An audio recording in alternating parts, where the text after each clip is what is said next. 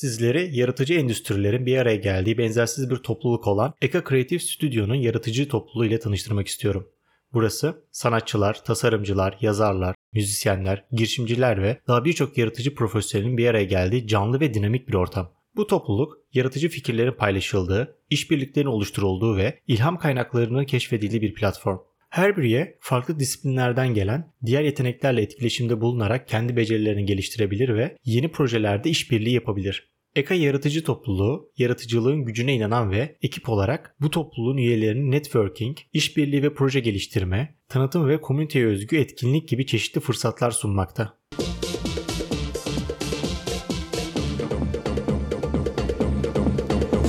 Merhabalar ben Batuhan. Ben Serra. Ve 20'li yaşlardasınız. Editör, illüstratör, topluluk deneyim küratörü Serra Utkum İkiz konuğum. Serra, sivil toplum kuruluşları var, hobi grupları var, okul kulüpleri veya kolları var. Ama bunların hiçbirinde küratör yok. Belki böyle aidat toplayan birileri vardır ama küratörler yok. Hem küratörü olan hem de deneyimi tasarlanan bir topluluk nasıl oluyor?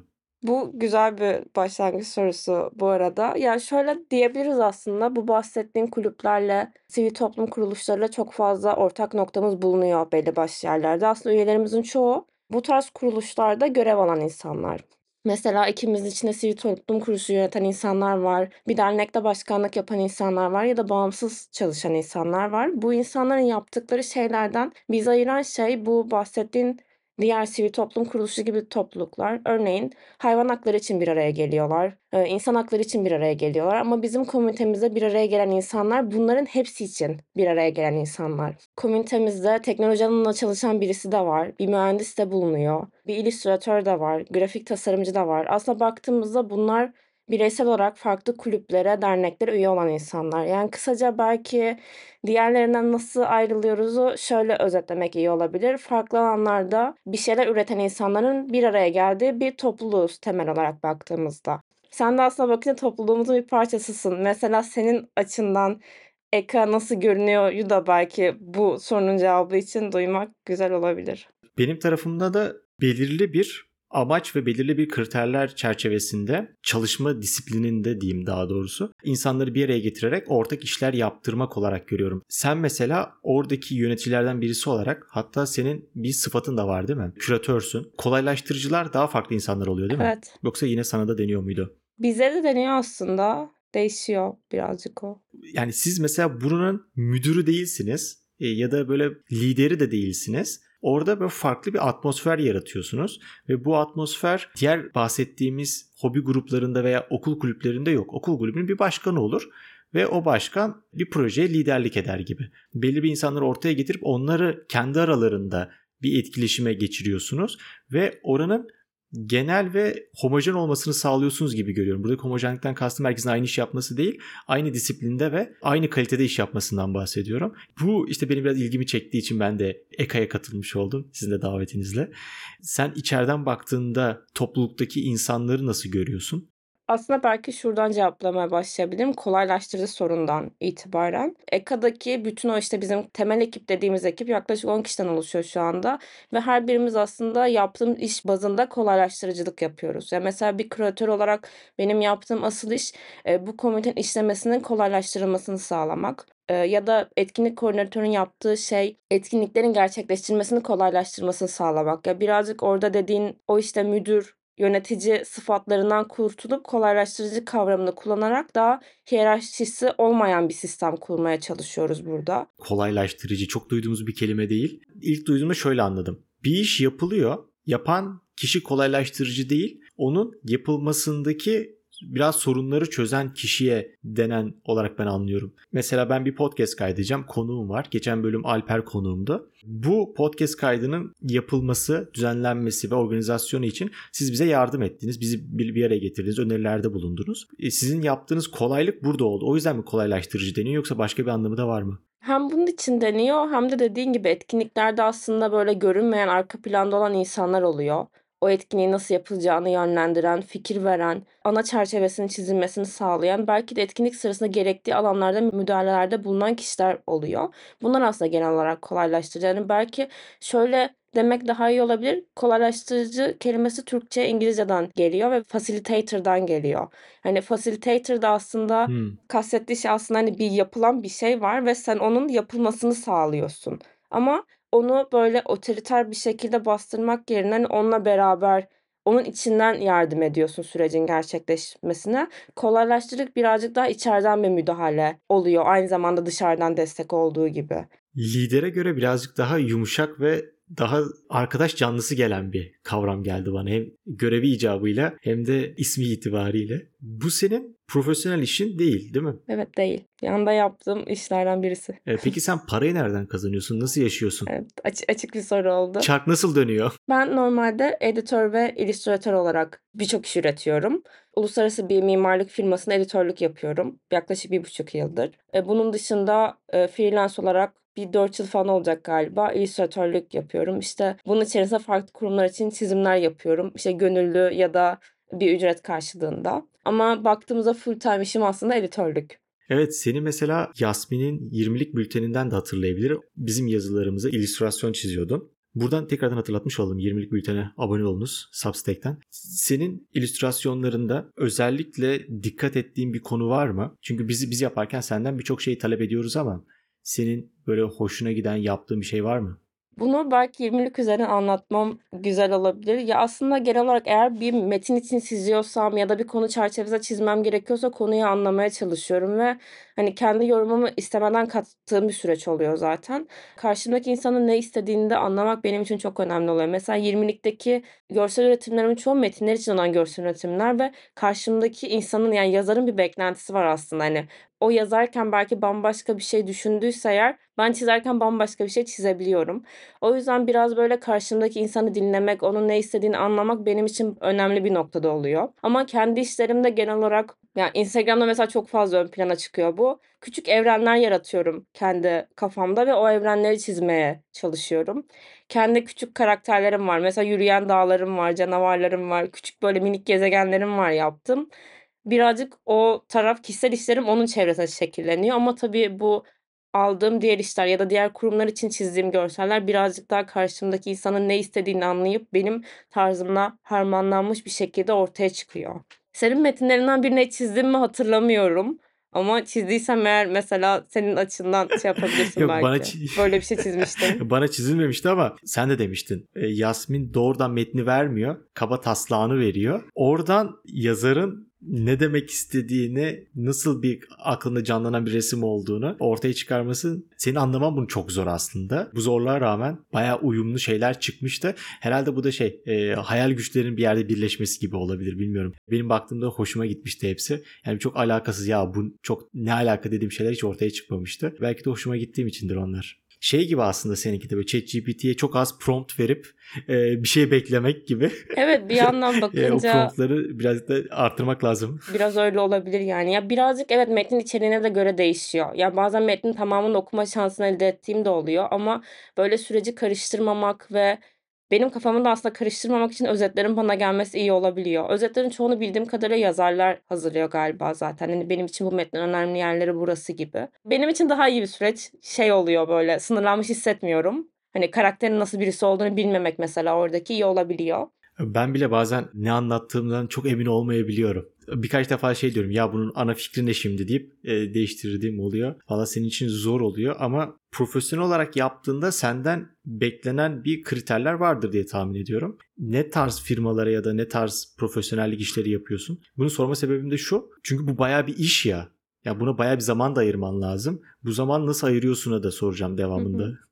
Ya birazcık yaptığım işler genel olarak kendimi anlatabileceğimi hissettiğim insanlarla beraber çalışmaya genelde tercih ediyorum. Son dönemde yaptığım işlerin çoğu kendi işin içinde bir kaygısı olan projelerde yer almaya çalıştım. Ve bunun içinde 20'li yaşlar var şu anda. 20'lik bülten var. Onların atölyesi var. Onun görsel kimliğini oluşturmasına bir sürede yardım ediyorum. EKA aslında bir nokta baktığımızda aynı şekilde e, görsel destek de veriyorum. Çünkü EKA'ya eş zamanlı olarak. Bunun dışında yanına birkaç tane daha aldığım uluslararası proje var. Onların da mesela bazıları e, insan haklarıyla ilgiliydi. Çocukların kitap okuması ile ilgili bir projede yer aldım. Kanserli çocuklara yardım yapılmıştı bir okul için. Onun için broşür hazırladım. Yani genel olarak kendi hayat kaygılarım, toplumsal kaygılarım ve karşıdaki kurumun kaygıları benim için önemli oluyor. Ve böyle kurumlar genel strüktürüne baktığımızda senin fikirlerini daha dinlemeye açık oluyorlar. Ya mesela logonun çevresinde şu kadar boşluk olsun na takılmıyor. Görselin nasıl olduğuna odaklanıyor. Sen derdini anlatabiliyor Hmm. musun ya da sen kendini anlatabiliyor musuna da önem veriyorlar.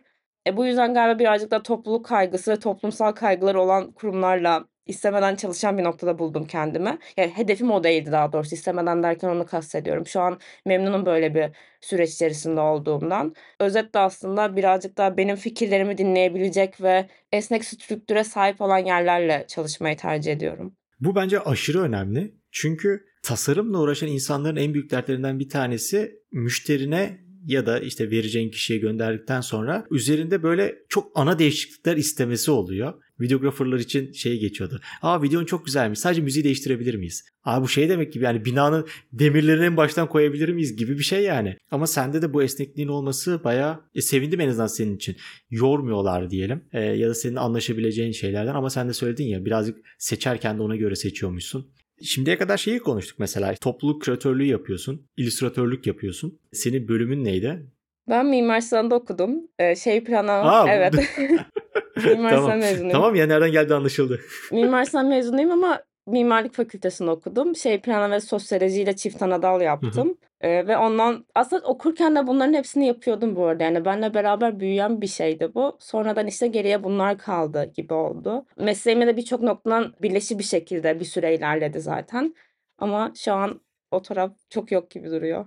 Tam şehir planlama kısmı mimarlık tasarım bence bağdaşabilir. Her iki tarafta da var mısın aslında sosyoloji tarafından da toplumla ilgili uğraşmayı. Bilmiyorum yani e, sosyal bilimleri o kadar çok araştırmam yok, bilgim yok ama senin çok yakın olduğunu anlayabiliyorum. O kadar da uzakta bir yerde değil misin? Sosyoloji okumuş olmam aslında şuna neden oldu birçok nokta. Zaten çalıştığım yer mimarlık üzerine yayın yapan bir yer ve orada zaten şehircilikten gelen birikimlerimi aktif olarak kullanırım. Sosyoloji birazcık daha kendimi anlatabilmem ve toplumsal kaygıların görünürlüğünü nasıl sağlayabileceğimi öğrenmemi benim birçok noktadan sağladı. Kentsel kalkınmayla, sürdürülebilirlikle ya da parametrik mimarlıkla ilgili bir yazı yazarken onu insana nasıl aktarabileceğimi birazcık öğrendiğim bir süreç oldu benim için sosyoloji. Çalıştığım kurumların hepsi sosyal kaygıları olan kurumlar ve onların derdini anlamamda birçok noktada benim işimi çok kolaylaştırıyor. Bana mesela ekolojik tarımdan bahsetmeleri gerekmiyor. Ekolojiyle ilgili bir kurumda çalıştığımı. Ben zaten onun nasıl yapıldığını ve onun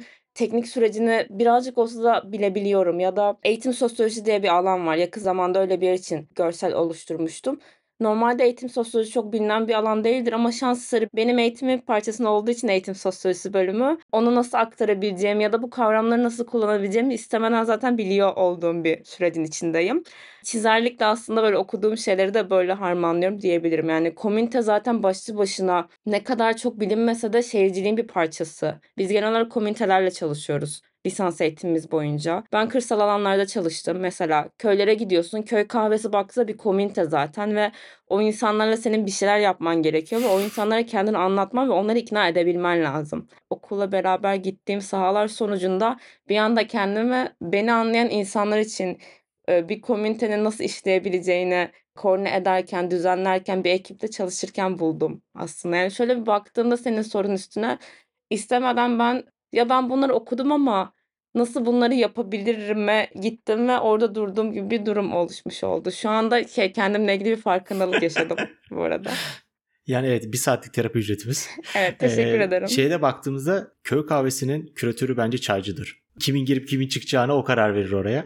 Senin bazı hassasiyetlerini anlayabiliyorum topluma karşı olan. Eğitim aldığım bölümle artık hobiden çıkmış yani hobi demek hiç doğru bir şey olmaz.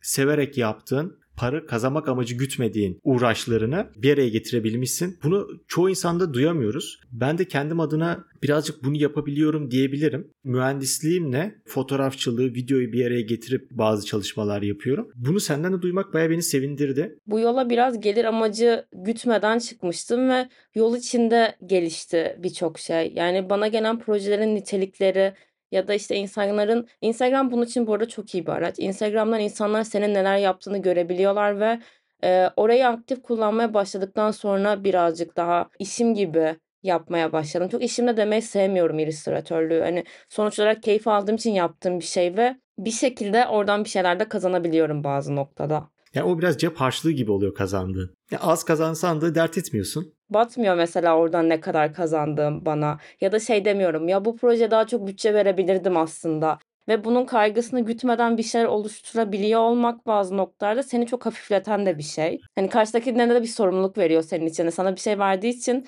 senin istediğin şeyleri sana sunmalı, senin taleplerini doğru yerine getirmeli. Bu sadece çizer için değil bu arada. İşveren için de geçerli. Birçok insan bunu yap diyor ve çekiliyor. Sonra gelen işe revize vermeye başlıyor ama aslında süreç böyle işlememeli. Bunları da öğrenmiş oluyorsun bu sürecin işlemesinde. O açıdan verimli olduğunu düşünüyorum. Komisyonlu işler yapmanın bazen gelir elde etmek dışında. Ya tamam mesela para kazanıyorsun. Senin dediğin gibi. E, harçlık olabilir.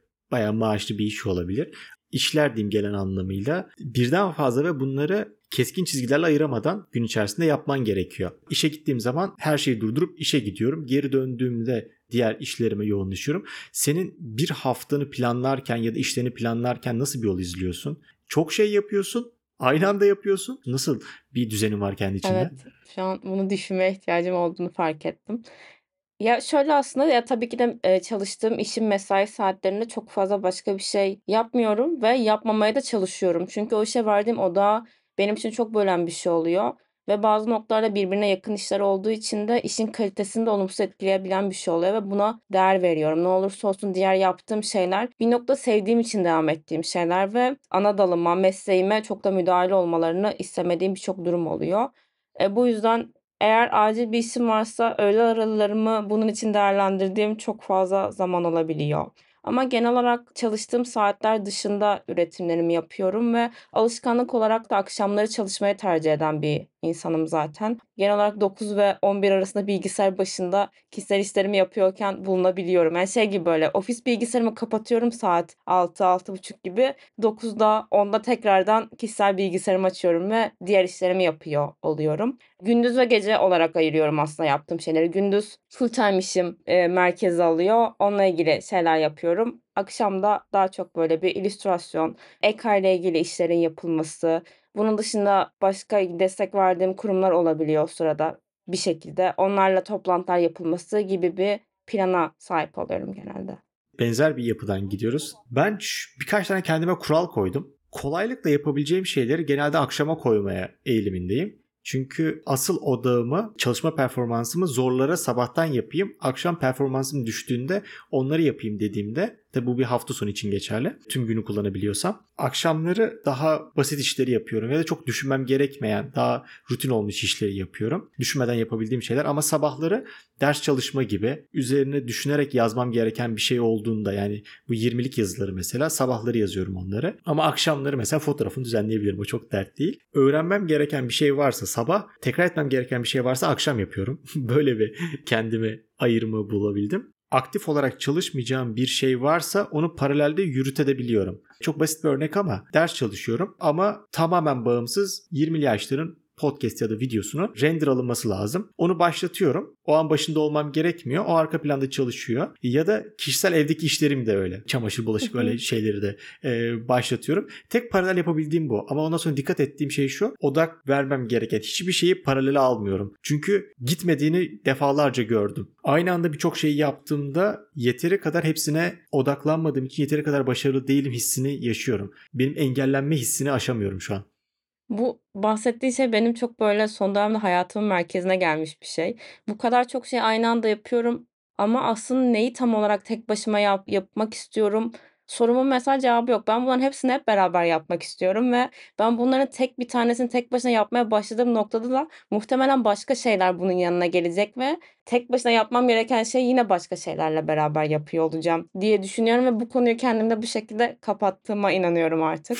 Çok uzun süre kendimi ikna etmeye çalıştım. Benim tek bir şey yapmam lazım. Bu böyle olmayacak diye. Çünkü insanlardan da bu geliyor. Özellikle bize göre daha yaşı büyük olan insanlardan. Sera çok fazla kendini dağıtmıyor musun? Tek bir şeye mi odaklansan artık? Ben tek bir şeye odaklanamıyorum. Zaten tek bir şeye odaklanabiliyor olsaydım bu kadar çok şey bir arada yapmak gibi şeyim olmazdı muhtemelen zaten diye düşünüyorum ya tabii bunun cevabını böyle vermiyorum. Daha güzelce açıklamaya çalışıyorum. İşte onun da zamanı gelecek. Bir gün muhtemelen ben de şu an ne yapmak istediğimi arıyorum gibi cevaplar vererek bu konuyu kapatmaya çalışıyorum. Ama bu çalışma saatleriyle de ilgili evet böyle anlattığımda gündüz ve geceyi arıyormuş gibi görünsem de ben yazı yazarken konuşabilen bir insanım. Birazcık garip bir özellik gibi geliyor insanlara. Ondan da şey oluyor bazen. Bunu lisans sırasında edindim bu arada. Resim yaparken makale dinliyordum mesela işte sosyoloji için bir şey okumam gerekiyor. Resim yaparken onu açıyordum ve arkadan makale okunuyor aslında ve ben bir yandan da dinliyordum. Birazcık böyle kendime alternatif yollar bulmaya çalışıyorum ki bunu bazen hala yapıyorum. Yani bir şey dinlemem gerekiyor ya da bir şey çizmem gerekiyor ama o sırada bambaşka bir şey yapmam lazım. Senin de bahsettiğin gibi işte bu birbirini dengeleyici görevler atayıp kendime çamaşır makinesini çalıştırdıktan sonra resim yapmaya dönmek ya da işte bir şey izlemem gerekiyor. Onu izlerken bir anda resim yapmak gibi böyle enerjimi ikiye böldüm evet çok fazla durum oluyor aslında baktığımda. Ne kadar doğru ne kadar yanlış bunu bilmiyorum ama bir şekilde bunu keyif alarak bu şekilde yürütebiliyorum. Yürütebiliyoruz hatta bir olmaz. Ya sen hem yazı yazıyorum hem konuşuyorum dedim. Ben ders çalışırken arkada müzik çaldığında bile odaklanamıyorum derse. Ya o da şeyle oldu birazcık. Okulda kütüphanede oturursun insanlar yanına gelir sana bir şey sormaya başlar. Ama benim sürekli bir şey yapmam gerektiği için bir nokta arkadaşlarımla iletişim kurmam gerekiyor. Ve çok fazla şey anı vardır. Bir şey yazıyorumdur ama çok önemli değildir o sırada. Not derliyorumdur falan ve bir yandan da insanlara sohbet edebiliyorum. Yani odağımı çok kaybetmiyorum. Ya da odağım hiçbir zaman olmadığı için yaptığım şeye bir şekilde bu şekilde de gidiyor. Yani odak sorunu yaşıyorum zaten. Yani o yüzden. Buradaki sıkıntı şey oluyor. Mesela sen bir saatlik bir iş yapacaksın ve birisi sana diyor ki 2-3 dakikalık bir konuda yardımcı olur musun bana? Şimdi bunun bana bir maliyeti var. Ben 2-3 dakika için kendimi ayırdığımda onun tamam 3 dakika süresi var ama benim odağım bozulduktan sonra tekrardan aynı seviye odağımı çıkarmam yaklaşık 15-20 dakika sürüyor. Aslında sen benim 20 dakikamı istiyorsun 3 dakikamı değil. Bunu insanlar düşünmüyorlar. Gerçekten ufak bir iş olsun. Ya abi şu dosyayı bana yollar mısın? Ya tamam da şimdi o dosyanın neredeydi? Ben bunu yollarken sana bir şey gönderecek miydim? Senin mailin neydi falandı filandı. Onu yapmak istediğimde benim 15-20 dakikam gitti bir şeye başladığımda hiç bölmek istemiyorum ona. Ve burada şey tak- taktikleri falan uyduruyorum işte Pomodoro falan ama onları birazcık yalandan çalışıyorum. Asıl yapmak istediğim bir şeye odaklandığımda o odağımı bozulmadan orada kalayım. Doğal olarak veya kronometre yardımıyla bozayım odağımı sonra gerisini yapayım. Ya şey okeyim mesela. Herkes bir işi bana mail atsın. Ben akşamları senin yaptığın gibi açayım bilgisayarımı. 3 dakika 3 dakika hepsine zaman ayırayım. Hiçbir sıkıntı değil. Ama o 1 saat içerisinde benden 3 dakika istemeyin yani. Evet buna katılıyorum. Bazen şey gibi hissediyorum. Bir tane çizgi filmde vardı. Kafasının içinde bir sürü küçük ondanlar koşuyor ve birisi sonra bir şey atıyor ve yangın çıkıyor ve herkes çığlık atmaya başlıyor. Böyle birisi benden bir şey istediğinde bazen omzumdan tutulup beynimin içindeki o küçük serra alınıp götürülmüş ve bırakıldığında geri döneceğini nasıl bulamayan biriymişim gibi hissettiğim bu arada benim de oluyor. Bazen şey diyorum. Keşke böyle Zoom olmasa, telefonum olmasa ve bana kimse ulaşamasa. Ben bu işlerimi bir sakince yapsam ki telefonumu kapattım çok fazla olur çalışırken. Çünkü kendi dikkatimi kendim yeterince dağıtıyorum.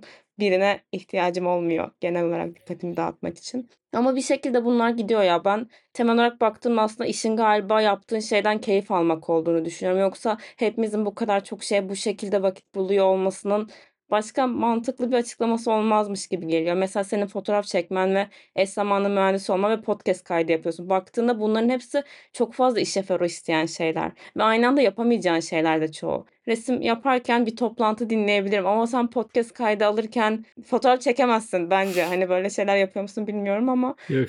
çok büyük yükler alıyoruz aslında. Meslek bunların çoğu baktığımızda birbiri arasında tecrübe ve bilgi aktaramadığın noktalarda çok zorlanıyorsun ama mesela senin örneğinde kendi mesleğin ile yapmak istediğin işleri birleştirebiliyor olduğunda hem tecrübe aktarımı yapabiliyorsun hem de ne kadar olur bilmem ama bilgi de aktarabiliyorsun. Bunu ben çok kısıtlı yerlerde yapabiliyorum. Bunların hepsini bir araya getirme niyetindeyim. Ama bu olmuyor. Ama olmaması da iyi diyorum. İş düşünmek istemiyorum dediğimde yapacak bir şeyim var. Tamamen ayrı olmasının da böyle bir avantajı var. Tamamen oradan kopuyorsun. Yeni bir boyuta geçiyorsun. Ya bilmiyorum ya galiba işin ucuna baktığımızda olay bana hala yaptığımız şeyden keyif almamızmış gibi geliyor. Yoksa dediğin şey çok mantıklı. Yani benim için geçerli mi? Evet birçok noktada geçerli. Yani beraber iş ürettiğim çoğu yer kreatif yerler olarak geçiyor ve sonuç olarak bir kreatif yerde çalışıyorsan görsel destek gerekiyor, yazı desteği gerekiyor, başka şeyler gerekiyor ve üçünü bir noktada birbirine bağlayabiliyorum yaptığım şeyler ama temel olarak baktığımda hepsi için ayırdığım çalışma süresi ya da üretim süresi tabii ki de birbirinden bağımsız. Mesela editörlük çok büyük bir bölümünü alıyor. Bunun için de çizerliği ve komüniteyi birbiri arasında dengelemeye çalışıyorum. Ekran'ın zaten kendi yapısı kreatif insanlardan oluştuğu için kendi core ekibi de. Mesela bir tasarım projesi olduğunda komünite zaten o ekiple beraber çalışıyor. Hani bu tarz artılar oluyor kreatif insanlarla beraber çalışmanın. Yani e, multidisipliner işler yapan bir kişi olarak benim için en büyük rahatlık komünitenin kendi strüktürünün, tek komünitenin değil, stüdyonun kendi strüktürünün birazcık akışkan olması. Hep, evet hepimizin tanımlı görevleri var ama ben bunu yapmak istiyorum dediğinde kimse sana gelip şey demiyor. Sen bunu yapamazsın demiyor. Bence bu bir çalışma şeklinde hani günümüz dünyasında bu şekilde çalışabiliyor olmanın çok büyük bir kazanımı olduğunu düşünüyorum. Galiba EKA'yı yaptığım işlerle diğer yaptığım işleri birbirine bağlamaktan daha kolay bağlayabiliyorum bazı noktalarda. Ya mesela bu işleri yaparken ne kadar istediğin kadar rahat çalış, para kazan. Hep video düzenleyeyim de istemiyorum. Ben geri kalan şeyi de yapmak istiyorum. Mühendisliği de yapmak istiyorum. Yani şimdi bazı insanlar şey diyor. Ya abi avukat olduk ama avukatlık yapmak istemiyorum. Ben şarkı söylemek istiyorum. Hep şarkı söyleyeyim istiyorlar. Öyle bir yerde de değilim. Ben hepsini de yapmak istiyorum. Arada birini bırakmak da istemiyorum.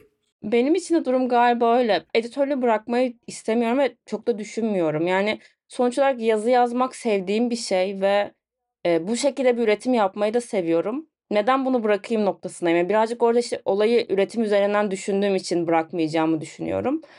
Ama tabii şey düşündüğüm çok fazla süreç oldu. Yani ben çizim yapıyorum, başka şeyler yapıyorum ve gerçekten hani yazı yazmak mı e, genel böyle hayattaki güdüm diye. Ama editörlük özeline bakarsam çok bırakmayı düşündüğüm bir meslekti ama geriye dönüp baktığımda benim asıl mesleğim şehir plancılığı. Yani bir nokta ona dönersem eğer şey plancılığı yapmaya başlarsam sonuç olarak sektörde yeniyim. Bir buçuk yıldır çalışıyorum. O zaman şey diyebilirim belki ya galiba benim yapmak istediğim şey şey plancılığı değilmiş. Kıyaslamasını yapmak benim için daha makul olurmuş gibi hissediyorum şu anda. Çünkü sen okuduğun işi yapıyorsun bildiğim üzere. Mühendislik okudun ve mühendislik yapıyorsun. Ben de şu an öyle bir durumda olmadığı için şey kıyaslamasını yapamıyorum. Mesleği bırakmış olmayacağım. Mesleği yapmıyorum şu anda baktığımda zaten. O yüzden editörlüğü şu anda bırakmam gibi görünüyor. Bir süre daha edit editörüm en azından. İleride şeyim var mı? Tüm bu yolların kesiştiği hayal işin var mı? Var aslında ya böyle düşününce yani her zaman şey çok fazla istemiştim. Böyle bir yerim olsun. Hep vardır ya ben kırsala gideceğim, köye gideceğim. İşte istediğim her şey orada yapacağım. Yani tam olarak öyle bir hayal değil ama. Doğal hayat abi. Evet ya tam olarak istediğim şey öyle değil. Birazcık bunu da şehir leştirilmiş hali. Bu yaptığımız bir sürü farklı işin bir araya toplanabilir mi sorusunu kafamda çok fazla düşündüğüm oluyor. Yani mesela tasarım ofisi ya da tasarım ofisi olmak zorunda da değil. Herhangi bir kurum kuruluş bunların bütün hepsinin hizmetini verebilir mi ve farklı disiplinler insanlarla bunu beraber yapabilir mi? çok sorguladığım oluyor. Belki de hayalimdeki iş farklı disiplinlerde çalışan insanların bir araya getirmesi, bir arada üretmesi gibi durumda. Ama tabii ki de kendi yaptıkları işleri de yapmaya devam edecekler aslında. Yani bu günümüz dünyasını birazcık kendi içindeki kaosun ve bunun normal karşılandığını görmek benim için galiba. Çünkü bu normal karşılanmıyor. Benim için galiba en büyük sorun bu. Bunun normal karşılanmıyor olması. Biraz dert yandım bu son soruda ama. Çok da farklı bir noktada değilsin gibi duruyor şu an aslında. O yüzden senin adına ya evet. sevindim de. O zaman da mesela şey çıkabilir ortaya. Bunlar hepsi birleşti ya. Bunlardan kaçmak için de böyle bambaşka bir alana, yan flüte falan geçebilirim. Yani onlardan kopmak için. Ya bu bir gerçek yani. Ben bundan kurtulabileceğimizi düşünmüyorum. Çünkü yaptığımız yan şeylerin çoğu, yan olarak adlandırılan şeylerin çoğu aslında bizim beynimizi birçok noktada rahatlatan ve hafifleten şeyler dünyanın istediği şeylerle zihinlerimiz istediği şeyler aynı olmadığı için bence bu kadar çok şey eş zamanlı yapıyoruz zaten gibi geliyor bana. Benim için en azından öyle. Sevdiğim şeyleri yapabiliyor olmak benim zihnimi özgürleştiren bir şey ve ben bundan kopmak istemiyorum. Ondan dolayı aynı anda birçok şey yapmanın makul olduğunu ve insana iyi gelen bir şey olduğunu düşünüyorum. Bu müzik aleti çalmak da olabilir. Ben bir süre piyano ve cello çaldım farklı dönemlerde ve aslında büyük bir iş vermen gereken bir şey. Yani hobilerimizin bence bu kadar değersizleştirilmemesi gerekiyor birçok noktada. Ne kadar çok şey yapmak istiyorsa bir insan bence şans verip bunu deneyerek yapmalı gibi geliyor. Güzel bir kapanış cümlesi oldu senden bence bu. Burada kapatabiliriz. Serra geldiğin için çok teşekkürler. Ee, hem seni daha detaylı tanımış olduk hem de aynı anda birçok işi nasıl yapabiliriz, yapmalı mıyız ya da bize nasıl bir etkisi var bunları konuştuk. Benim için de bazı noktalarda şey de oldu. Kendi farkındalığımı kazanmamda da katkı sağladı. Çünkü ben bazen şey düşünüyordum. Acaba bazılarını bıraksam mı? Kendimi daha iyi odaklasam mı diyordum. Bu beni daha kötü etkileyeceğini düşünmeye başladım. Böyle iyi ya. Ben şu an memnunum diyebilirim yani. Çok yoruluyorum ama çok memnunum. Ya benim için de çok keyifli bir sohbetti bu arada. Sorguladığım şeyler oldu böyle. Yani şu yaklaşık olarak herhalde yarım saatten birazcık fazla konuştuk. Şey oldum. Ya tamam ben bu yoldan devam edeyim. Bazılarını bıraksam mı diye düşünüyordum ben de kendi kafamda. Daha azaltsam mı iş yükümü diyordum. Ama galiba insanın kendini böyle iyi hissetmesi için birçok şey bir arada yapması gerekiyor. Diyerek son cümleyi söyleyip sana da tekrardan çok teşekkür ederim beni davet ettiğin için. Çok keyifli sohbetti benim adıma. Ben teşekkür ederim. Bir sonraki bölümde görüşmek üzere. Görüşürüz. Bay bay. Eka Yaratıcı Topluluğu, yaratıcılığını keşfetmek, geliştirmek ve paylaşmak için mükemmel bir ortama sahip. Kendi alanınızdaki sınırlamaları aşarak farklı disiplinlerden gelen yaratıcı profesyonellerle etkileşimde bulunarak yeni ufuklara açılabilirsiniz. Eğer yaratıcı bir vizyona sahipsiniz ve diğer yaratıcı endüstrilerden gelen yeteneklerle bir araya gelmek istiyorsanız Eka Creative Studio komünitesine katılmak için bölümün açıklamasında yer alan formu doldurabilirsiniz. Daha detaylı bilgi almak isterseniz açıklamada yer alan Instagram sayfasından veya Eka'nın sitesinden detaylı bilgilere, projelere ve işbirliklerine ulaşabilirsiniz. Birlikte yeni projelerin, işbirliklerinin ve yaratıcı başarıların kapılarını açmak için Eka'yı ziyaret etmeyi unutmayın.